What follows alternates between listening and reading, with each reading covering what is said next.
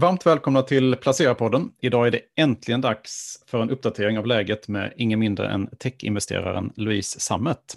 Varmt välkommen hit. Tack, jättekul att vara tillbaka. När vi pratade senast i januari stod techaktier mycket högt i kurs. Och jag vet att du funderade på om vi kunde vara nära en topp. Och sedan dess har vi ju verkligen fått en, en rejäl eh, utförsbacke för techaktier. Vad är din syn på läget? Jag tycker, först den här nedgången saknar motstycke i eh, eh, modern tid. Vi har verkligen sett en, en enorm kapning av värderingarna eh, på techaktier. Men man får inte riktigt glömma den enorma uppgången som vi ju faktiskt hade innan. Eh, där vi under 2020 såg en liksom, ha, uppgång utan motstycke. Eh, så visst, de priserna har liksom friserat, men den volatiliteten är också någonting som man måste vara medveten om och räkna med och känna sig bekväm i om man investerar i den sortens eh, högriskaktier. Sen så, så tycker väl jag överlag att vi också, världen har ändrats eh, en del. Om vi liksom tidigare framför allt kunde i alla fall tänka om värderingar på att värderingarna av bolagen hade någon sorts fundamentala bakgrund eller liksom siffror som man, som man kunde luta sig tillbaka till. Om, om man förut då kanske framför allt tittade på signaler som baserades på intäkter eller eh, hur mycket bolag så tjänade för att sätta bolagsvärderingar. Så i dagens ekonomi så är det snarare baserat på massa olika eh, nyhetshistorier, eh, Twitter, Wall Street Bets. Det finns så mycket annat än siffrorna, som, eller bolagens faktiska siffror, som spelar stor roll i hur priserna påverkas. Och om vi även liksom tittar på, på bitcoin och hur det liksom både tog ännu mer fart utifrån en tweet från Elon Musk och sen så nu har kapats eh, utifrån en tweet från Elon Musk. Det har vi inte heller sett tidigare. Och det tycker jag är jätte, jätteintressant när man tittar på hur bolag värderas och liksom hur, hur prissättningen ser ut idag när man har en snapshot. Men vad det gäller liksom de, de investeringarna som, som jag gör och hur jag tänker när jag investerar i bolag så bortser jag ganska mycket ifrån dagsläget, eller jag försöker i alla fall bortse eh, ifrån dagsläget och tänka på hur tror jag potentialen ser ut för det här bolaget under lång tid framöver. Vad, hur ser framtidens ekonomi ut? Hur påverkas, eller hur kan vi till exempel använda oss av mer automatisering vad det gäller försäkringar eller vad som helst. Där bolag som ligger i framkant kommer ha ett enormt övertag över tid. Och det är snarare liksom sån potential som, som jag tittar efter när jag gör investeringar. Det finns ju många andra som liksom framförallt kanske försöker hitta undervärderade bolag eller liksom titta mer på bolagets eh, siffror eller intäkter idag. Medan jag mer försöker liksom fokusera på, på potential. Hur, hur, långt in i framtiden blickar du då? Ja, alltså jag försöker tänka typ 7-10 år. Så väldigt, väldigt, väldigt långt. Och det är en sån eh, tidshorisont som jag har på de investeringarna som jag gör också. För jag vågar inte titta kortare för att det tycker jag blir för, det blir för volatilt. Eller det blir för riskabelt. Men om man tittar över en lång, längre tid så upplever jag att det är lättare. Då, alltså, men, och vi är i en sån enormt svår makroekonomisk situation i dagsläget där ingen vet någonting. Och alla liksom, ja, men, analytiker, de flesta analytiker som liksom till exempel ska titta på eh, jobb i USA. Analytikerna hade estimerat typ en miljon nya jobb. Siffrorna kom in på 250 000. Det är en sån enorm skillnad från verkligheten. Jag upplever liksom, som privatperson, som investerare, en enorm inflation. Men den ser vi inte än heller. Så det, det, är liksom, det är sån osäkerhet på hur det kommer se ut under liksom kommande 3, 6, 12 månaderna, 24 kanske. Men om man försöker titta på lite längre sikt eh, så upplever jag då att det är för mig lättare att se hur bolag eller teknik har möjlighet att eh, ta sig framåt. Och det är liksom så som vi har tittat när, när jag har hållit på att göra VC-investeringar eller investera i väldigt tidiga bolag också. Att, att det är det som man liksom försöker leta efter och hitta övertygelse kring. Sen kan vi gå tillbaka till den här rekylen som har varit nu um, sista månaden här. Har du själv, är det någonting som har kommit ner så mycket i pris att du har vågat öka i det eller hoppa in i något nytt, någon ny aktie? Ja, alltså jag har, först när vi pratade sist, eh, då så gick jag igenom alla de aktierna som jag hade och sen så, så tänkte jag så här, vilka skulle jag känna mig bekväm med 20, 30, 50 procent dropp i aktiepriset och fortfarande eh, vill jag vara eh, investerad i. Så då trimmade jag ett fåtal som jag liksom hade köpt lite, lite opportunistiskt. Så jag hade bland annat några Wish-aktier och Wish har för låg kundnöjdhet tycker jag för att det ska funka över tid. Så det var ett bolag som jag liksom hade enorm tur att jag liksom så opportunistiskt köpte några av eh, och sen så här sålde jag när de fortfarande var på plus och de har ju liksom gått ner så att det heter duga. Eh, men jag har gjort en hel del eh, köp. Det som, alltså det, det, som är svårt och det som man aldrig kan göra, man kan inte pricka botten och man kan inte pricka toppen. Jag kommer ihåg mars 2020 när liksom corona var som ett, liksom, det, var, det var ett enormt stort frågetecken på marknaden. Då köpte jag också vissa bolag, eh, bland annat Moderna och eh, Avanza. Men det kändes fortfarande som att det skulle gå ner så mycket mer eftersom att man visste ju liksom inte. Men de bolagen kände jag mig liksom tillräckligt övertygad för att jag går in och köpa lite. Och det är lite samma i det här raset. Vi vet inte hur länge det kommer fortsätta. Vi vet inte vilka dagar som kommer vara de extrema dagarna. Och om man tittar tillbaka över tid så är det liksom vissa dagar som man har tjänat eller förlorat mest pengar. Och de dagarna kan man inte sätta. Eller det, det går liksom inte att veta vilka dagar det är. Så det gäller då istället att försöka, eller jag upplever i alla fall att man ska inte försöka tajma marknaden utan det är tid i marknaden som räknas. Sen så, så kan man ju såklart så, som jag har gjort då, liksom öka i några av de bolagen som man har hög conviction i. Alltså, jag pratade om Unity sist. Unity är fortfarande liksom ett bolag som jag verkligen eh, tror på. Eh, så att Unity har jag liksom köpt. Vad, vad är Unity för något? Unity är ett eh, teknikverktyg som hjälper företag att utveckla appar eller eh, spelappar. Så de absolut flesta mobilspelen som man spelar så mm. står det Powered by Unity. För att de gör det lätt för i princip vem som helst att utveckla spel. Okay. Och det är också då teknik som kan användas eh, inom andra områden. Som att liksom så småningom kanske till och med om vi har ny teknik som liksom ska ha VR-games eller augmented reality så kan man liksom använda deras teknik för olika sorters tekniker. Så det, bygger inte på att en viss teknik behöver vara framgångsrik så att det finns inte någon sån risk. Men det är liksom det absolut mest enkla och använda verktyget. Det är då en marknad som jag ser kommer fortsätta växa. Det är det bolaget som är absolut framkant.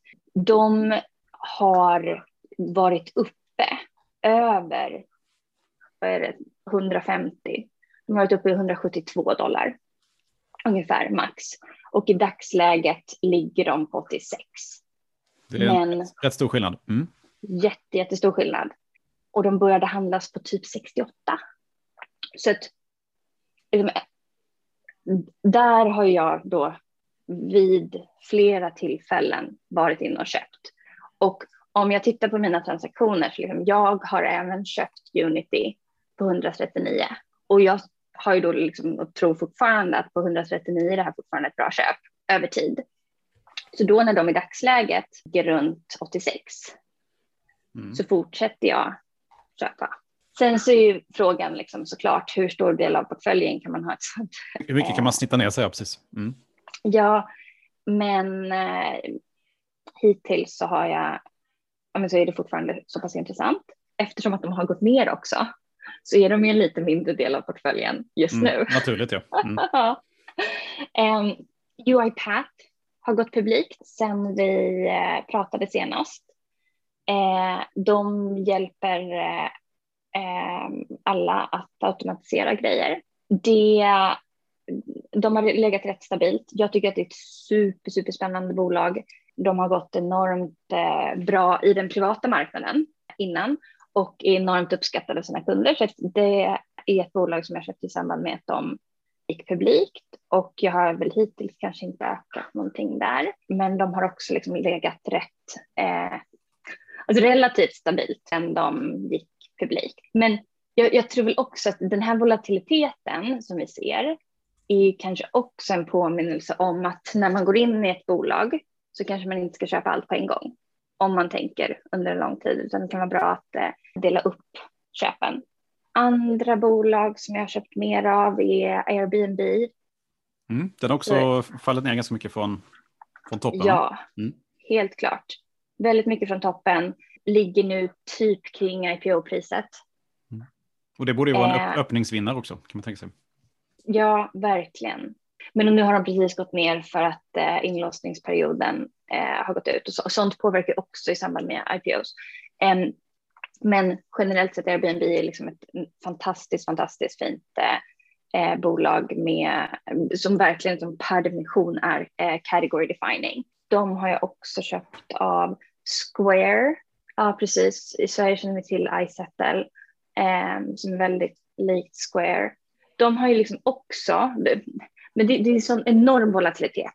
Om vi tittar på, på deras aktiepris liksom över de senaste månaderna som legat typ mellan 200 och 250. Men tittar man under lite längre tid, som över ett år, som är ett galet år också, men så är det uppåt till höger. Um, för, men det är kanske lite mer stabilt bolag för att det har funnits lite längre, uh, har lite mer, kanske inte lika tidigt som man skulle kunna säga att UiPath och Roblox är. Roblox var också ett bolag som vi pratade om senast. Ehm, de gick publikt, det blev dyrare än vad alla hade tänkt. Det var en eh, direct offering. Och de har ju också liksom haft hög volatilitet men är liksom ett bolag som jag också tror väldigt, väldigt starkt på. Jag eh, har en son som spelar Minecraft. Jag spelar själv Minecraft tillsammans med honom. Eh, Minecraft är fenomenalt och helt fantastiskt. Eh, jag vet att när Eh, de blev uppköpta så var, var, tyckte alla att priset var helt absurt? Jag kommer inte ihåg vad det var, men det var några miljarder dollar. Men, men samtidigt så var det någon som skrev redan då att man tror att Minecraft är det digitala legot. Om det är det digitala legot så är det här fortfarande ett stil. Alltså det är alldeles för lågt pris jämfört med, med vad, det, vad det kommer vara. Och jag tror att vi ser med Minecraft, eller Mojang som är bolaget bakom, att de är verkligen, de levererar ju liksom fenomenala produkter jag betalar ofta och gärna för de här fantastiska världarna som andra har byggt. Så ja, Roblox är liksom liknande ändå i att man har möjlighet att bygga eh, sina egna världar och sådär. Och jag tror att eh, det, det, finns en enorm potential där och bevisligen så älskar barnen produkten. Eh, väldigt, väldigt spännande. Jag tror inte att vi pratade om Upstart senast. Nej, men Upstart är Nej, Appstart är ett av de bolagen som liksom, av någon anledning verkligen har älskats av marknaden eh, trots allt som har hänt senaste, senaste månaderna. De, har, eh, de erbjuder schyssta finansiella produkter eh, direkt till konsument. Eh, liksom ganska standard enkel modell som vi har sett tidigare men växer enormt och eh, levererar fantastiskt. Så sedan deras IPO så vill de upp typ från 10 till 114. Eh, de har också sett enorm volatilitet under den här perioden, vilket ju liksom är att, vad, vad man kan förvänta sig. Men är väl ett av de bolagen som faktiskt inte har påverkats särskilt dåligt av den enorma nedgången som jag sett inom teknik senaste månaderna. Mm. Sen så, alltså, det har ju varit lite så också att de bolagen som jag har köpt i, ja. eh, det har varit lite de bolagen som har kommit först på listan också när jag har gått igenom. Så att det kan mycket väl vara så att jag borde ha köpt fler, men att jag kanske inte har gjort det. Coinbase gick också publikt efter att vi pratade tror jag. Ja, det stämmer. De köpte jag också. De har inte gjort någonting. Eh, deras aktiekurs har inte utvecklats positivt efter Nej. det. Men här är ju liksom frågan såklart och det, det, jag tänker är en. För när jag liksom, de här aktierna som jag har i dagsläget, om jag tittar på hur de har utvecklats jämfört med Dow Jones eller liksom OMX30 senaste hittills i år så, had, så har det inte gått bra. Men det är liksom saker som man måste vara beredd på. För tittar man tillbaka över längre tid så har det fortfarande liksom gått fenomenalt bra. Men där behöver man ju vara, liksom, kunna ha den här isen i magen och snarare liksom titta, köpa när det, när det är rött också. Alternativt stänga ner datorn och gå ut och göra någonting annat. Jag tror att det är vissa som säger så här att vara en bra långsiktig investerare är att jobba väldigt, väldigt hårt på att inte göra någonting. För det är väldigt, väldigt lätt. Mm, det är väldigt, väldigt lätt att gå in mm. och pilla. Och det är precis det som man inte ska göra. Och när man försöker vara inne och pilla och liksom optimera på kort sikt så är det väldigt stor risk att man faktiskt förlorar för att man missar de där dagarna som vi nämnde tidigare där den stora uppgången kommer. Ehm, och de dagarna vill man vara inne i marknaden.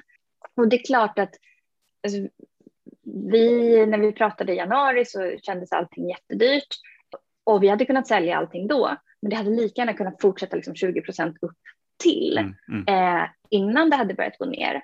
Och alltså, jag tycker fortfarande inte att det känns himla billigt på marknaden. Jag skulle mycket väl kunna tänka mig att det fortsätter eh, ett tag till, men samtidigt så går det inte att veta. Och speciellt inte i dagens ekonomi när vi inte vet någonting och när eh, vi, vi, påverkas av Twitter eller liksom, eh, Wall Street Bets eller andra nyhetsgrejer eh, som inte har med bolagets faktiska värde att göra.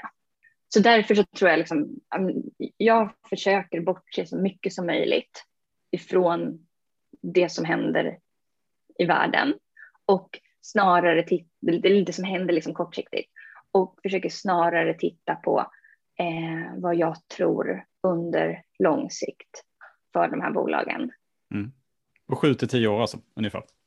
Ja, precis. precis. Du, när vi pratade senast så eh, pratade, pratade vi om ett bolag som heter Affirm som var ja. USAs Klarna. Precis. Är det någonting du fortfarande äger? Ja, det gör jag. Och alltså, Klarna är ju USAs Klarna.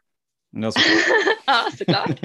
Ehm, men eh, Affirm finns också där eh, och är väl liksom en konkurrent. Och jag tror att om man tittar på Affirm, eh, tittar på Afterpay, tittar på Klarna, ehm, så det är då liksom de stora konkurrenterna som eh, kör mot varandra som erbjuder rätt lika tjänster, inte helt lika. Men deras konkurrenter är ju inte nödvändigtvis varandra, utan alla de bolagen konkurrerar mot typ kreditkort. Mm. Där debitekonomin eh, är någonting som jag tror fortfarande på, på samma sätt som jag gjorde i december. Att kreditkort är askassa för konsumenter, betalar liksom 20, 30, 40, 50 procents ränta för eventuell delbetalning på ett kort som man inte har någon koll på. Man förstår inte avgifterna, man förstår inte vad det kommer kosta att delbetala jämfört med att ha möjlighet att få en sorts buffer i samband med köpet som snarare liksom Klarna eller för med. Att man antingen, alltså erbjudandet i USA är liksom att man delar upp några gånger eller man till och med har liksom en direkt konsumentprodukt där man snarare blir som en shopping-sajt, alltså nästan mer eh, mot kanske Amazon. Så att jag tror att utmaningen för kanske Affirm och Klarna och Afterpay är, är nog snarare att det kan vara svårt att differentiera dem mot varandra över tid för att de har ändå relativt eh, liknande erbjudanden, även om de ju såklart skulle säga att de var väldigt olika själva. Men för marknaden så är det kanske svårt att differentiera. Jag ser snarare liksom Visa, Mastercard som de stora konkurrenterna, kanske Amazon. Eh, lite beroende på deras, liksom, Amazon kanske skulle vara Afterpay och Klarnas potentiella framtida konkurrent, eh, medan eh, Affirm snarare har eh, och, och, där tror jag liksom alternativa betalningslösningar. Om man tittar till exempel på Swish i Sverige så finns det en enorm potential tror jag för den sortens direktbetalning eller liksom Trustly eller andra bolag som inte är baserade på kreditkort på samma sätt. Inte, in, inte minst eh, med tanke på PSD2 och att det faktiskt är möjligt för fler att liksom bara skjuta över pengar fram och tillbaka. Har, har du ökat i form då, när det har fallit? Ja, det ska vi se. Det har jag gjort. Första gången eh, strax under 100, nu ska vi se, eller ja, på 90. Mm. Och sen så igen på 65. Mm. Och idag så ligger de på 50. Mm. Den är, ligger i princip på, på IPO-kursen. Var 49 dollar tror jag. Ja, men den började handlas högre. Ja, den handlas nästan Eller hur? 100 procent upp tror jag. På... Ja, precis. Så 90,90 mm. första mm. transaktionerna igenom på. Mm. Ja, det är synd att man inte kommer in på de där IPO-erna. Alltså. Mm. Det är ett existensberättigande för flera fonder däremot. Om man tittar på de teknikfonderna som mm. har som fokus att vara med eh, på IPOs. För de kan ofta få tilldelning på ett annat sätt än vad man själv kan få. Mm. Och det, det kan vara värt att titta på om man är intresserad, för då har man ju möjlighet att verkligen ta del av den värdetillväxten som man inte har som vanlig småsparare. Och då tänker jag väl egentligen framför allt på TIN, mm. men de har ju också väldigt mycket gambling eh, och sånt som jag inte känner mig särskilt bekväm med. Men inom just att vara med inom IPOs så eh, har de ju möjlighet att komma in där. För och nackdelar med alla sådana där eh, liksom påsar om man eh, ska använda sig av eh, förvaltare som liksom, håller på med vissa saker. Sen så kan jag också säga att liksom, jag tycker det här är jätteroligt att eh, jobba, att liksom, hitta bolag, analysera bolag. Eh, men jag har också liksom, ett LISA-sparande eller liksom normalt eh, ETF-sparande, eh, vilket är liksom en del av en portfölj, vilket jag tror är nödvändigt att ta om man, om man inte vill lägga allt, allt, allt i eh, growth-aktier. Sen så, ja, det är väl liksom, och det får ju var och en avgöra själv hur man vill göra. Men för min del så har jag också velat ha en del i Lysa eller i de produkterna som Lysa har. Och för min del så är det då liksom bara hög risk såklart eh, på Lysa. Men det är under året i år så har det varit ett fantastiskt komplement eftersom att marknaden som helhet har gått enormt bra. Och det, det får man inte heller glömma. Det är ju liksom, i princip bara teknikaktierna som har gått skitkast i år. Ehm, allt annat är väldigt mycket uppåt till höger, vilket igen liksom påminner oss om vilka konstiga tider vi är i just nu och hur svårt det är att veta hur någonting kommer vara kommande månaderna. Men, men, men jag tänker den här, den, här, den här säkerhetsportföljen som du har så att säga, hur kan det hända att när det kommer sådana här stora techras att du tar av den för att investera i tech då så att säga? Eller, hur, eller är det Nej, något som du aldrig gör? också. Mm, okay. eh, så att, jag har inte gjort det. Eh, men det har snarare varit för att jag har suttit på kontanter också. Mm. Sen så kan man ju, eh, hade det varit nödvändigt mm. så hade jag kanske omfördelat. Mm. Sist vi pratade, vet att du pratade bra om eh, Snowflake också. Ja, och det gör jag fortfarande. Mm. Jag var lite mer av ett frågetecken där. Mm. Eh, men mest, eh, alltså i, egentligen så är jag fortfarande väldigt, väldigt, väldigt positiv till Snowflake. De kom väl ut väldigt, väldigt dyrt. Mm. Alltså egentligen, det var väl mm. egentligen den stora, stora, stora utmaningen. Men eh, över tid så tror jag fortfarande eh, det är en produkt som verkligen behövs och som fler och fler stora företag går över till. Så jag eh, är fortfarande väldigt positiv till Snowflake. Någonting som jag också köpte, jag köpte EQT. Eh, Okej. Okay. Äntligen. Mm. Och för att eh, jag har haft EQT från början, eh, mm. sen IPOn. Och sen så hamnade jag i det här problemet som eh, är ett fantastiskt lyxproblem. Att de har gått upp så mycket. Mm. Nej, de har gått upp så mycket så att man mm. vågar inte köpa mer fastän att man tror på dem. Ja, det blir för stor eh, portföljen också. Mm. Ja, ja, för min del så hade jag snarare gjort ett för litet köp från början. Ja, nej, men så nu har jag äntligen köpt upp lite mer XT.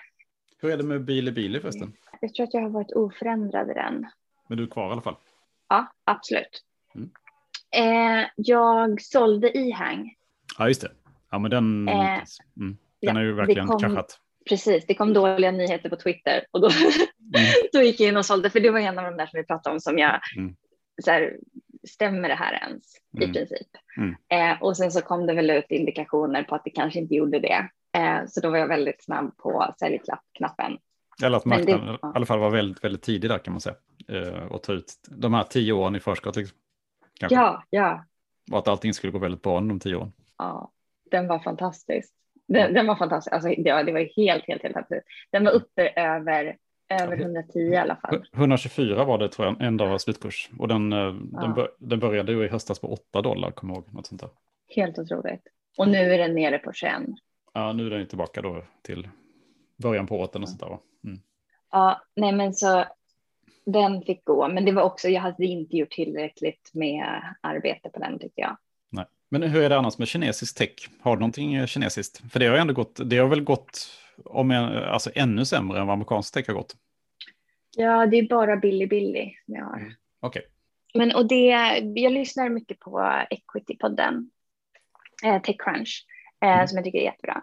Mm. Och eh, de sa en intressant eh, någonting intressant angående just kinesisk eh, teknik. Att om man tittar liksom på de nyheterna som jag sett den senaste tiden så handlar det snarare om att staten går in och förstör för det mesta.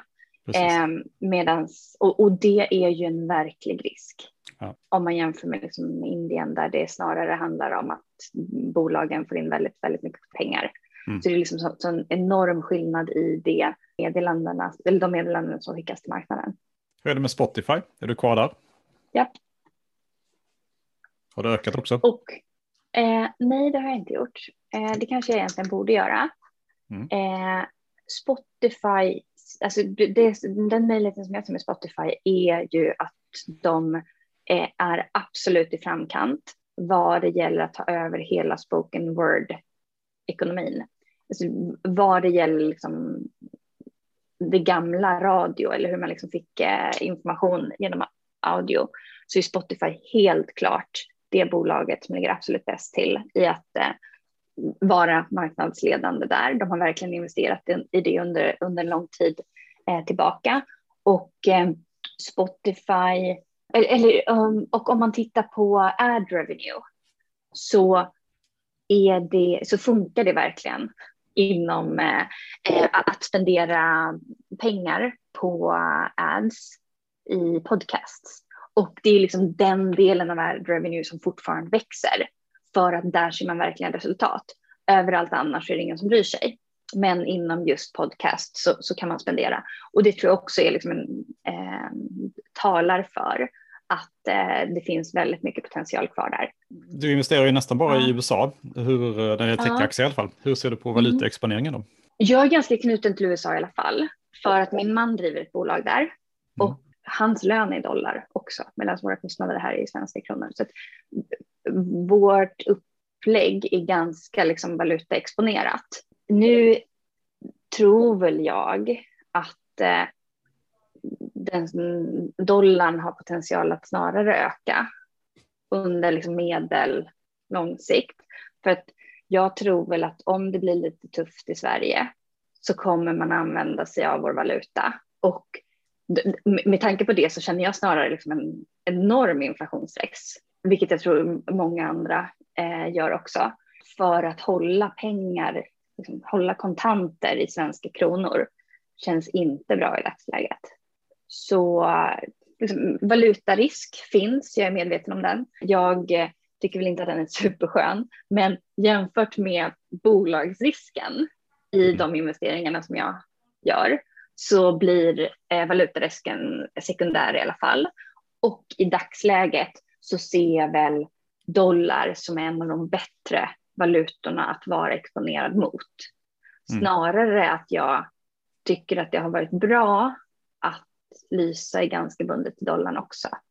Um, vilket de har varit. Men he helt klart en, en, stor risk. Men just i dagsläget, på, på typ medellång sikt, alltså typ ett, två, tre år, så tror jag väl snarare att det finns risk att det är positivt. Ja. Men den här inflationsstressen mm. är jag liksom inte ensam om att eh, känna. Men och det gör ju att vi alla puttas ut på att eh, ta mer risk också. Mm, ja. precis. Det är spännande tider. Ja, verkligen. Alltid. Mm. Du, hur är det med eh, nya IPO då? Du har ju koll på IPO-marknaden i USA. Är det något mm. spännande som kommer ut här närmsta tiden? Ja, jag pratade lite senast om liksom SPACs och IPOs och, och, typ olika tiers, kanske beroende på hur man väljer att eh, eh gå publikt. Eh, och där tycker jag att det är intressant hur Better.com som eh, erbjuder eh, mortgages har valt att gå ut via en SPAC trots att det tidigare var prat om att de skulle göra en eh, riktig IPO. Och det tror jag kanske beror på att ur ett bolagsperspektiv så kan det nu bli fördelaktigt, eventuellt, att gå till SPACs. För det finns så enormt många. Det finns så många SPACs som är ute och letar efter bolag och som trissar upp priser. Och i dagens ekonomi, liksom så som marknaden ser ut just nu, där man inte kanske älskar techaktier just nu, så kan det då vara fördelaktigt att eh, gå ut via en SPAC istället. Så om jag i januari sa, då sa jag att det är konstigt om man går ut via en SPAC, för det betyder att man liksom försöker dölja någonting troligtvis. Så tror jag att så som marknaden ser ut idag så kan det vara fördelaktigt för bolagen att gå ut via SPAC för att de kan få bättre villkor än vad de kanske kan få på den publika marknaden. Också för att det finns så enormt många SPACs. Just, det är liksom en väldigt stor risk för att det är för många, det är för mycket pengar som springer runt och letar efter bolag att investera i. Därför så måste man ju såklart vara jätte, jätteförsiktig med de där och kolla ordentligt. Men det är intressant att se då hur till exempel Better.com, som mycket väl skulle kunna IPOa, eh, ändå har valt en sån Lösning. strategi. Mm. Ja. Sen så, så, ja, någonting annat som också liksom, det är intressant för att de här värderingarna är det också en enorm inflation i. Och eh, om man tittar på hur liksom, VC-marknaden såg ut för några år sedan så var det snarare att man kanske letade efter unicorns, eller liksom a billion dollar company, eller bolag som liksom värderades över en miljard dollar. Och det, men med tanke på att det är så många fantastiska techbolag som har utvecklats väldigt väl i den eh, privat, eller den publika marknaden så pratar vi liksom snarare om typ decacorns som är liksom, eh, över 10 miljarder dollar. Vi ser liksom bolag som är värderade över 50, 100 i den mm. privata marknaden. Eh, vilket också påverkar värderingarna tidigare bolag eller hur man kanske tittar på möjlig värdering av tidigare bolag. När man tidigare investerade i ett bolag som var värt en miljard dollar så kanske man max förväntade sig typ 2-3x. Medan man nu om man investerar i ett bolag som är värt en miljard dollar faktiskt kan tänka sig, eller kanske kan liksom ha, ha en förväntansbild på 10-50 x. Och det är ju liksom någonting som verkligen påverkar värderingar för, för tidiga startups och också hur värderingarna sker på den publika marknaden. För det är ju folk som liksom skojar väldigt mycket om att vem är liksom inte en unicorn i den här marknaden? För att det är så enormt många bolag som eh, har passerat den drömgränsen. För att drömgränsen liksom successivt flyttas framåt. Mm. Det är ett intressant eh, fintechbolag som ska gå publikt som heter Marketta eh, som erbjuder liksom, eh, infrastrukturen för att erbjuda eh, kort och eh, betallösningar i USA. Och de har också en väldigt, väldigt, väldigt hög värdering. Men... det var oväntat. Ja, ja precis. precis. Ja, och, och just senaste året så har det varit väldigt många som eh, har påverkats av de här höga, höga värderingarna i den publika marknaden. Det blir jätteintressant att se hur det här raset också påverkar tidiga bolag och om det är någonting som är kortsiktigt eller om eh, det kommer fortsätta. Alltså som jag sa tidigare så det känns fortfarande dyrt. Men sen så, så har det ju faktiskt känts dyrt de senaste Mm. Nästan åren. Typ, Ja, ja, typ, typ jämt. Typ alltid ja. Mm. Och det, det är snarare då, och jag, liksom, jag försöker inte hitta billiga bolag, utan jag försöker hitta bolag med enorm potential. Och sen så får man liksom överkomma det priset i dagsläget. Du, eh, har du hört talas om Procore då? Procore? Mm. Nej. Det ska läggas ut på, eller ska IPOs den här veckan på Nyse. Och eh, en av de största cloudtjänsterna för byggbolag. Aha. Och det är ju fortfarande, byggbranschen är ju fortfarande nästan inte alls digitaliserad. Liksom. Nej, det är helt klart en eh, enorm möjlighet. Jätteintressant, det ska jag Mm. definitivt kolla på. Mm. Jag bara såg att den kom här. Mm. Ja, det är några sådana startups som vi har pratat med under liksom de, de senaste åren. Eh, både vad det gäller byggprojekt, men också att ta fram råvaror eller material. Eh, att det är så enormt komplicerade processer. Eh, så att det verkligen finns möjlighet. Ja, spännande. Mm. Och väldigt konservativ bransch också. Väldigt. Så att det är väl en av de sista kanske som kommer att digitaliseras. Men och det är någonting annat också nu, att allt kommer digitaliseras. Men tekniken kommer verkligen in överallt på ett annat sätt än vad det kanske gjorde innan. Så att allt är tech Mm. i princip. Ja, men själv har jag bottenfiskat lite grann faktiskt också. Så att jag, Ja, vad kul. Vad har du köpt någonting? Mm, jag har köpt massor. Nej, men jag har köpt, jag har köpt eh, eh, Kompass, har jag köpt till exempel. Eh, Det är ju den här fastighetsmäklare, att man digitaliserar fastighetsmäklarbranschen i USA. Mm. Så att eh, den IPOades, skulle IPOas på typ 25 dollar, men de, det var ingen som ville betala det. Så att de fick sänka det till 18 dollar. Och eh, nu handlar, kan man få den för 14 dollar. Är, så att den hoppade in i för ett tag sedan. Mm, mm, Tyvärr lite back då redan, men eh, mm. eh, det är ju Softbank då som har, som har. Eh, Ja, men och det är ju någonting annat som jag tycker är intressant. Mm. Vi har ju sett, eh, många har skällt på Softbank länge. Mm. Och deras resultat ser rätt bra ut. Ja, visst. Ja. De är ändå duktiga. Ja, Mm. och ja, eller ja. Ja, eller de, de ja är med med i de- allt så blir några bra liksom. Så att säga. Mm. precis, precis. Ja, men, och det är ju lite, om man tittar på VC-modellen också. Mm. Så ofta, eh, nu på Blossom så hade vi en annan liksom, mer koncentrerad strategi. Eh, men ofta så är det spray and pray. Mm. Att man investerar i 20 blo- bolag och hoppas på att eh, något eller några tar av och Mm. eh, returnerar fonden. Och nu var det väl framför allt Coupang som eh, Softbank var inne i tidigt som ju har genererat en enorm eh, vinst. Och så har vi gjort några andra som liksom eh, WeWork var väl inte lika dåligt som man eh, tänkte. Uber var väl också helt okej jämför liksom. Mm. Så kan, ja, det kan vi är fortfarande bli bra i alla fall. Uber tänker man ju. Mm. Ja, ja, helt klart. Köpt American Well också. Har jag tagit på en, en det är jätte, jättedippen. Okej. Det är ju det här eh, tele, telehälsobolaget då. Aha. Som, eh, det var när vaccin, vaccinnyheten kom så har den fallit något enormt liksom efter det. Mm. Men jag tror ju ändå på telehälsa då på, eh, om du ser på lite Precis. längre sikt i alla fall. Det är ju Precis. oerhört Precis. smidigt. Så. Sen är det klart att konkurrensen också är, är hög där, men eh, Mm. vi får se, lite grann i alla fall. Coursera köpte jag faktiskt ny- nyligen. Den tror jag mycket på. Den här Ja. eh, ja, appen för utbildningar helt enkelt, Precis, som är amerikansk. precis. Den handlades också nästan på, eller det var nere på IPO-priset här i eh, förra veckan i alla fall, 33 dollar. Den, Det är lite synd om de här nya bolagen nu Mm, som kommer ut i den här marknaden. visst är det. Det är tufft. Men det är kul för, för oss som investerare kanske. Ja, ja. verkligen, verkligen.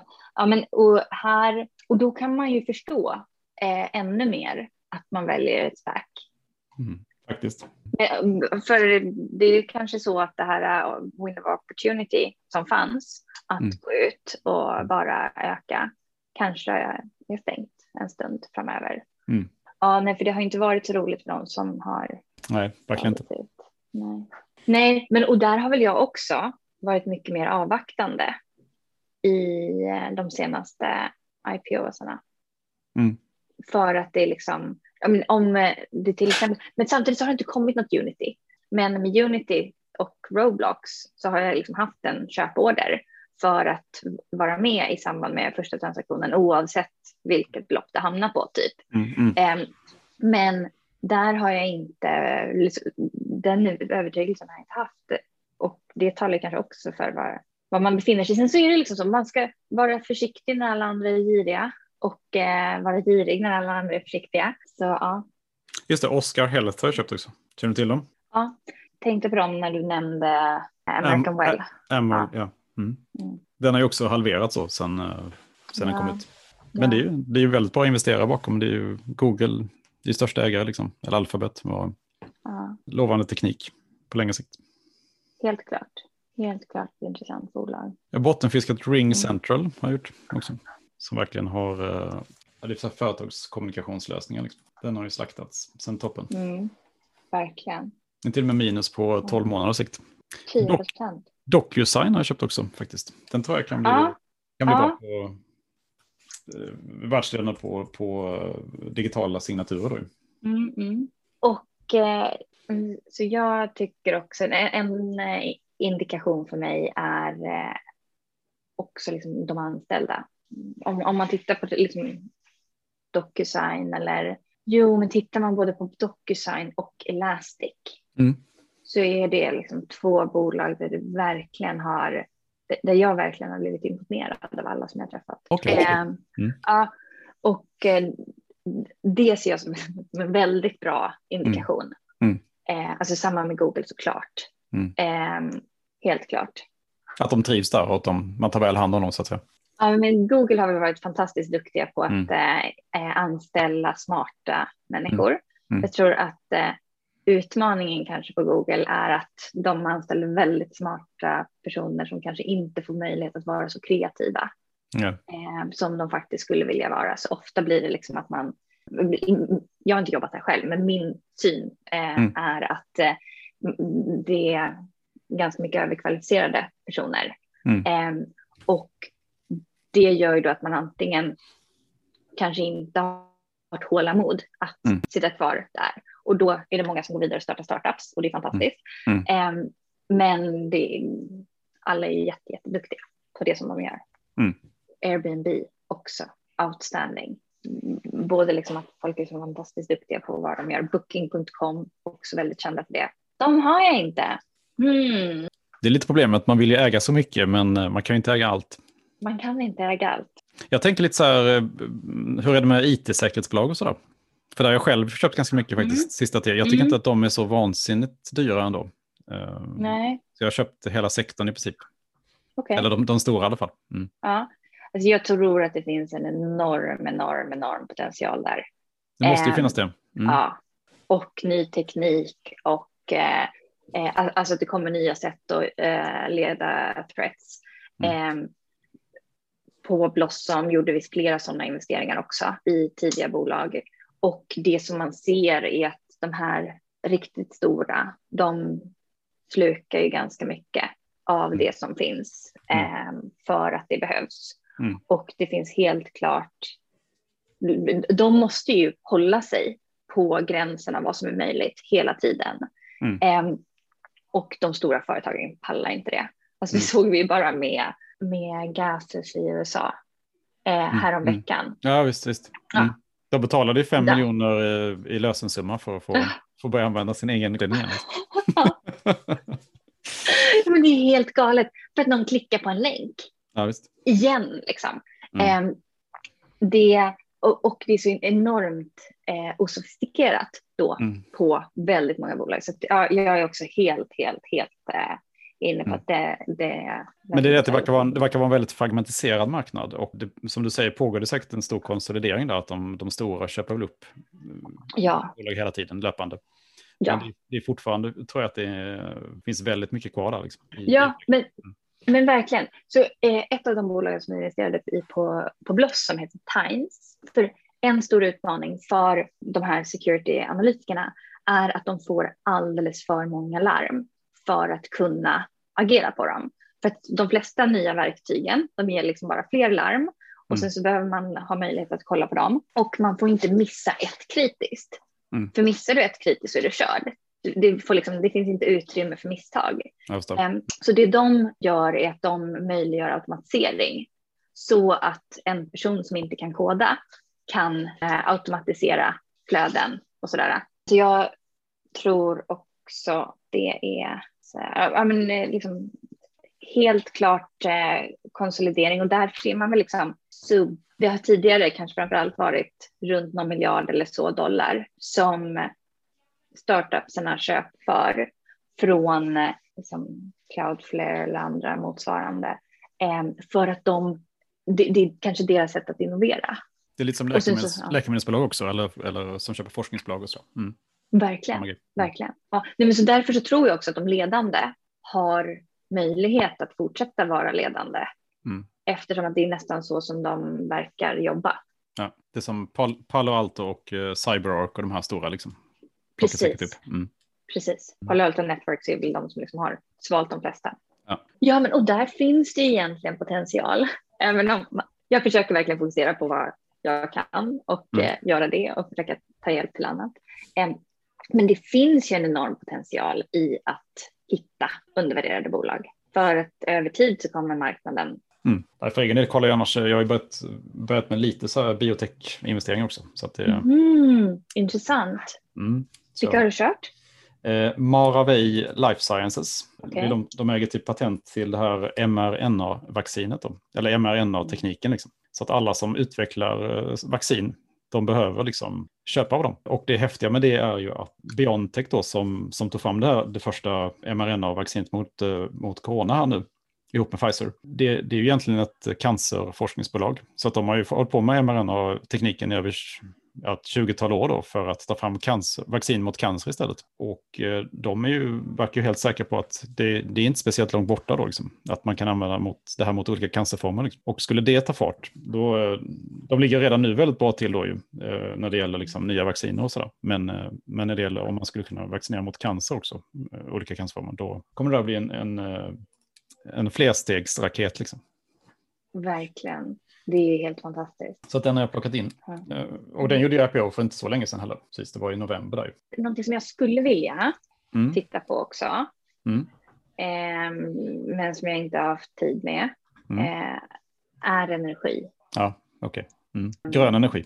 Då har du Siemens Energy till exempel. ja, men, ehm, jag har inte tittat så jag vet ingenting. Okej, ja, men det, är, Ehm, det är de som kommer men- bli vinnare oavsett tror jag. Okej, ja. De har, de har Siemens hela, Energy. de har Siemens Energy, de har ju hela kedjan. Liksom. Det knoppades av från Siemens i höstas. De är ju eh, turbin, ja de är ju, jag tror att en sjättedel av den energi som produceras på jorden eh, kommer ju med teknik från Siemens Energy idag alltså. Men det är ju eh, turbin, turbiner då framförallt och sen är det ju, sen är de ju väldigt eh, stora inom, även inom vätgas nu då, som man tror ju för tyngre transporter kommer bli viktigt i alla fall. Ja, Alltså grön men- vätgas. Mm, ja.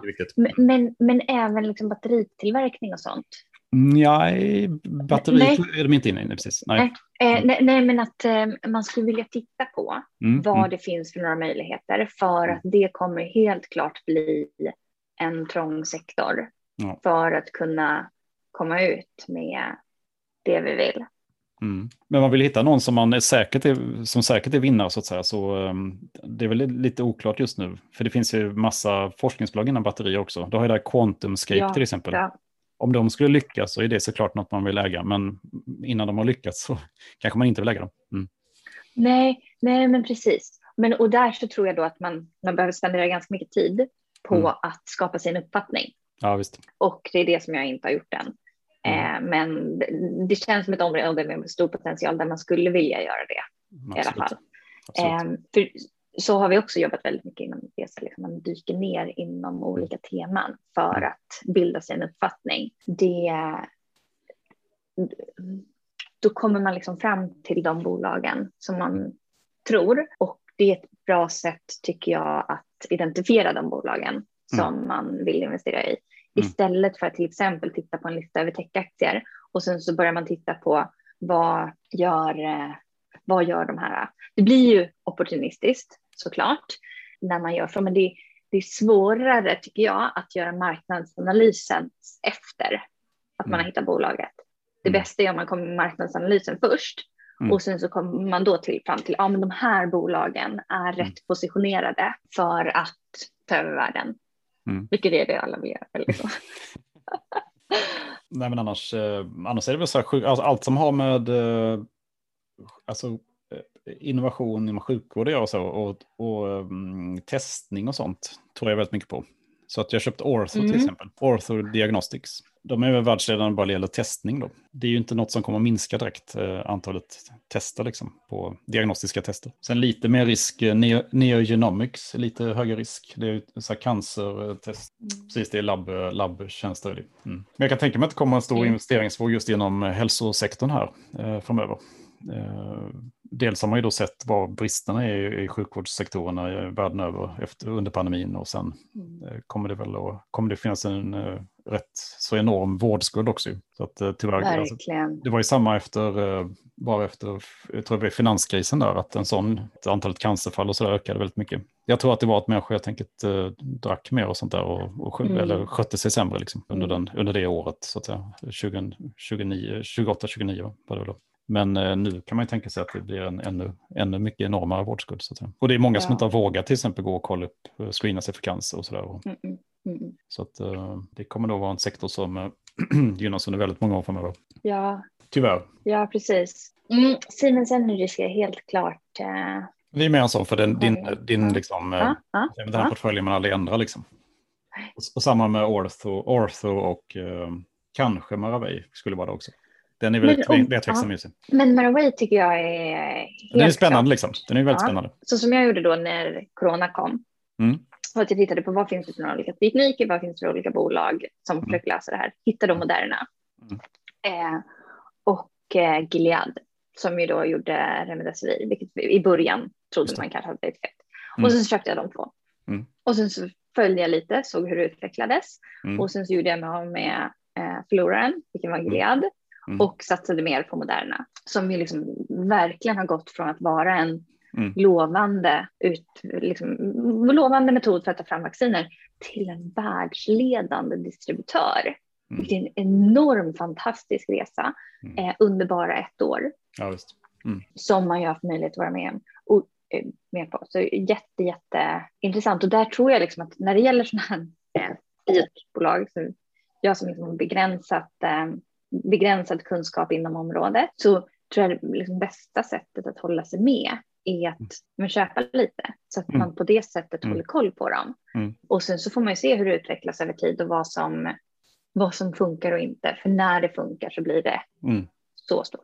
Så drar det iväg ordentligt igen. Mm. Men igen, ju, jättehöga risk och jättemycket volatilitet och sånt som man ju behöver få känna sig bekväm med. Absolut. Ja, men kul är det i alla fall. Ja, det är jättekul. Mm. Ja. Sådana lyxvaror på nätet har jag köpt lite i. Farfetch. Den har fallit Mm. väldigt mycket också. Den här marknaden ska ju växa så otroligt mycket, säger alla prognoser. Samtidigt som det då har kommit en rejäl, eh, att aktierna har backat väldigt mycket. Eller det är Farfetch och My Theresa då som är de två stora som finns. Jo, det är det. Eh, Det är ju eh, precis. Ja. Och, och det är ju lite där att eh, det är också en sån marknad som inte har varit så di- digital då egentligen. Eh, Som har börjat bli digital nu med pandemin. Så den, den har jag plockat in också. Men ligger såklart back på den också. Ja, nej, men den, eh, där tror jag också att det verkligen finns potential. Jag har också LVMH. Har jag? Mm, just det. Men det är Ja. mer fysisk. Jag vet inte om de säljer. Ja, det kanske de gör i och för sig. Det gör de säkert också. Alltså jag vet inte om de gör det faktiskt, men de Ja, det borde ju. Ja, det, det, de är ju ganska konservativa tror jag. Ja. Så att det är möjligt att de inte har det. Nej, men och fördelen med dem är att de är också familjeägda, Ja, just det. vilket ju överlag verkar göra att folk har möjlighet att i alla fall fatta bättre beslut Mm. över tid.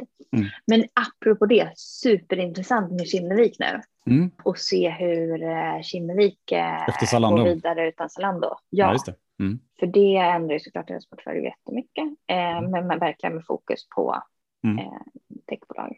Mm. Jätte, jättespännande. Hur gör du med Zalando då? Jag kommer nog sitta kvar ett tag i alla fall. Mm.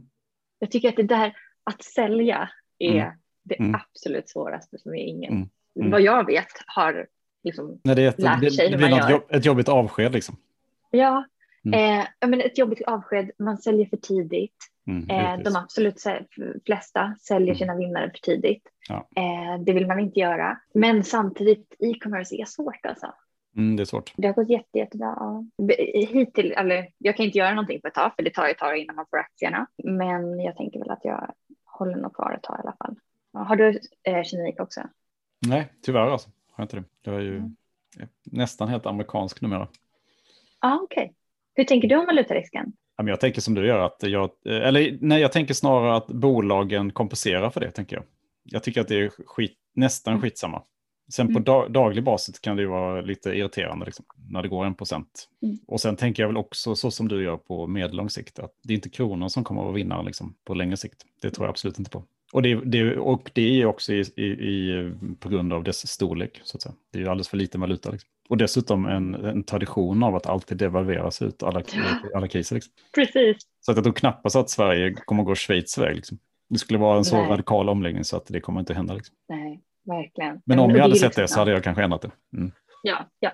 Ja, men då hade vi kunnat ändra det. Men en sån sak händer ju oftast inte utan heads up. Nej, precis. Eh, tusen tack för att du eh, vill ställa upp och dela med dig av dina idéer, Louise. Det var väldigt eh, intressant och trevligt att höra dig igen. Tack själv, jättetrevligt. Tack snälla för att jag fick vara med.